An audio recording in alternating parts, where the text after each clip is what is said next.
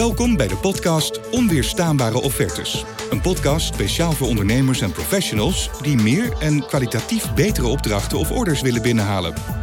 Hier krijg je kort en krachtig alle ins en outs waarmee jij je offertes naar een onweerstaanbaar niveau tilt.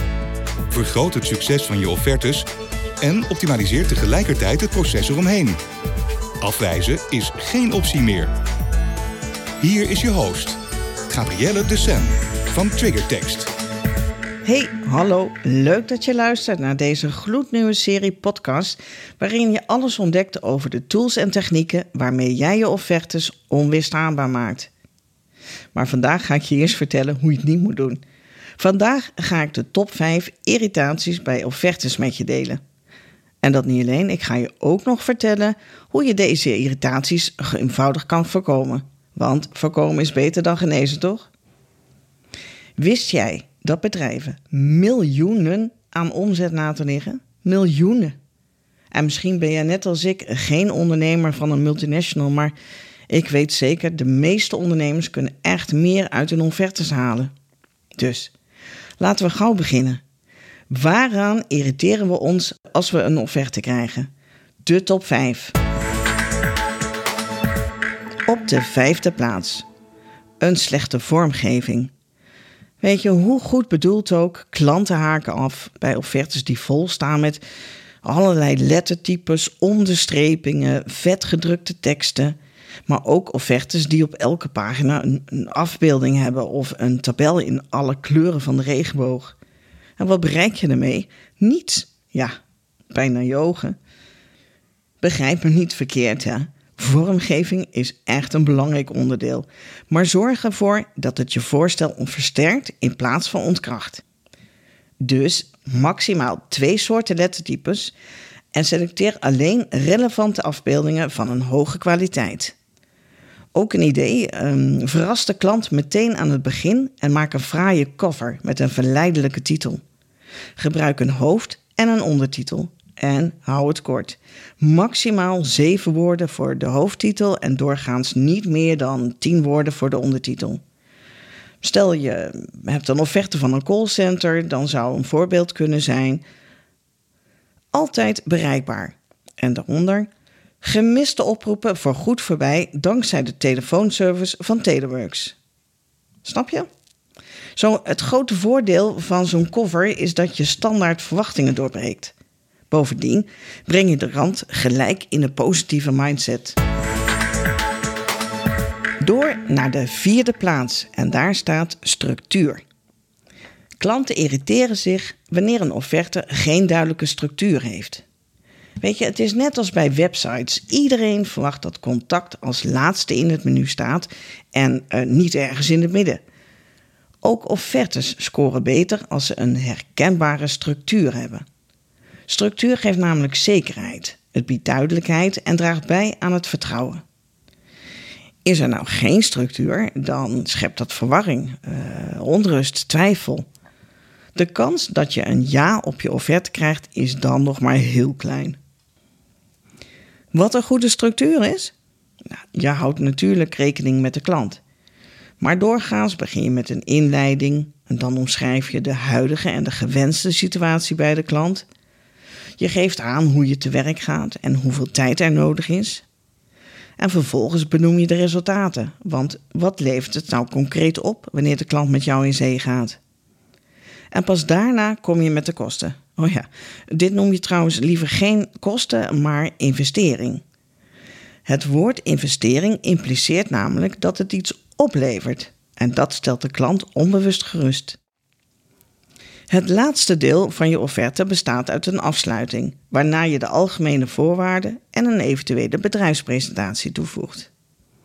Even alles op een rijtje. Je begint met de inleiding, daarna volgt de beschrijving, de huidige en gewenste situatie, je werkwijze, een planning en de resultaten, de kosten, investering, de afsluiting en de bijlagen. Door naar de derde plaats en daar vinden we taalgebruik. Vooral overmatig vakjargon is een bron van ergernis. Voor sommige klanten is een offerte gewoon net Chinees. Onbegrijpelijk. En vaak onbedoeld hoor, want je hebt het zelf gewoon niet in de gaten. Voor jou is het allemaal gesneden koek. Maar bekijk het eens van een andere kant. Stel, ja, eh, je hebt geen verstand van computers. Je wilt het beheer en onderhoud van je website uitbesteden en ontvangt een offerte die bol staat van de vaktermen. Je snapt het voor geen meter. Je weet niet wat er wordt bedoeld, laat staan dat je weet wat je nou krijgt. Zeg eens eerlijk, zou jij je handtekening daaronder zetten? Gebruik alleen vakjargon als de klant die termen zelf ook hanteert. Dat is mijn advies. Soms, ja, soms ontkom je er gewoon niet aan. Geen punt, gewoon even toelichten.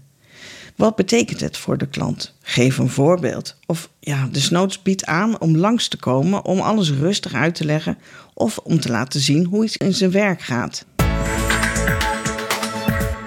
We naderen bijna de eerste plek, maar voordat ik je die vertel, eerst nog even nummer 2. En die mag er ook zijn, want dat is arrogantie. Stiekem geven wij mensen onbewust de voorkeur aan zelfverzekerde, succesvolle ondernemers. Maar let op, de lijn tussen zelfverzekerd en arrogant is dun. En we blijven Hollanders, hè? Hollanders zijn ook nog altijd bescheidenheid ziet de mens. En doe maar normaal, dan doe je al gek genoeg. Maak er dus vooral geen me, myself en I verhaal van of een offerte met een hoog wc-eendgehalte. Deze term stamt af van een reclame. Je raadt het al, wc-eend.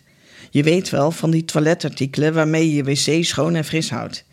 En voor diegenen die hem niet kennen, laat ik hem nu even horen. Wij van WC Eend zijn blij met het succes van WC Eend. Want onze eend reinigt niet alleen onder de rand, nee, nee, nee. Zij ontsmet en ontkalkt de gehele pot. Logisch dat sommigen, ik noem geen namen, ons idee proberen te pikken. Is niet fris. Er zijn zelfs mensen die denken dat je met elk eendje het toilet kunt reinigen. Onbegrijpelijk. Want alleen de echte WC Eend reinigt rand en pot in zijn eentje. En daarom adviseren wij van WC Eend, WC Eend. Het wij van WC Eend te adviseren WC Eend is zelfs in het marketingjargon terechtgekomen. En niet voor niets. We zijn vaak zo trots op een product of dienst en ja, natuurlijk wil je laten zien dat jij de beste bent. Maar doe het slim en doe het subtiel. Hoe je dat doet? Nou, heel simpel. Laat anderen zeggen hoe goed je bent. Voeg reviews toe of klantenervaringen. Zo komt de klant zelf tot de conclusie dat jij de beste bent. Beschrijf je bedrijf, product of dienst dus niet uitgebreid in je offerte. Alleen wat highlights en verwijs verder naar een brochure of een bedrijfspresentatie in de bijlage. En dan, wat irriteert nou het allermeeste? Wat denk jij?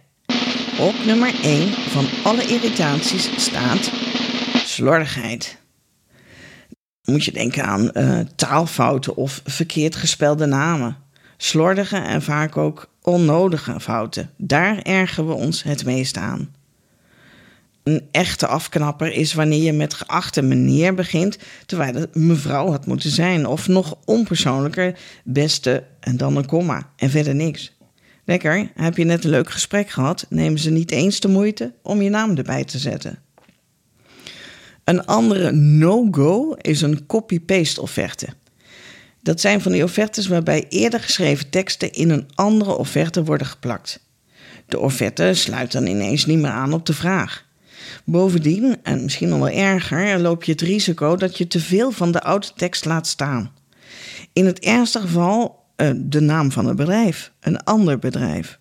Zie je het voor je of is het je misschien al eens overkomen? Geloof me, je bent echt niet de enige. Maar ja, de klant is er zo klaar mee. Zo'n offerte voorspelt namelijk niets goeds. Deze offertes belanden meestal in de prullenbak. En daar ligt hij dan, ondanks die goede argumenten of dat scherpe tarief. En dat, ja, terwijl het eigenlijk zo gemakkelijk te voorkomen is, gewoon ja, door te vragen. Vraag bij twijfel iemands naam hè, en hoe die precies gespeld wordt. Zorg ervoor dat je tijdens een gesprek, of je dat nou telefonisch doet of je zit tegenover elkaar, de kern van een probleem boven tafel krijgt. Zo sluit je voorstel aan bij de vraag van de klant. En juist dat stelt de klant gerust en stemt hem positief. Stel altijd reflecterende, samenvattende vragen zoals: Als ik u goed begrijp, dan wilt u dus altijd 24/7 bereikbaar zijn. En dan nog even dit. Als je van jezelf weet dat taal niet je beste kant is, laat je offerte dan gewoon eens door iemand nakijken. Kritiek krijgen is niet leuk en soms is het echt even slikken. Maar je bent het zo weer vergeten als je die opdracht binnen hebt. Dit waren ze alle vijf. De irritaties en de oplossingen waarmee jij je offertes een stuk aantrekkelijker gaat maken.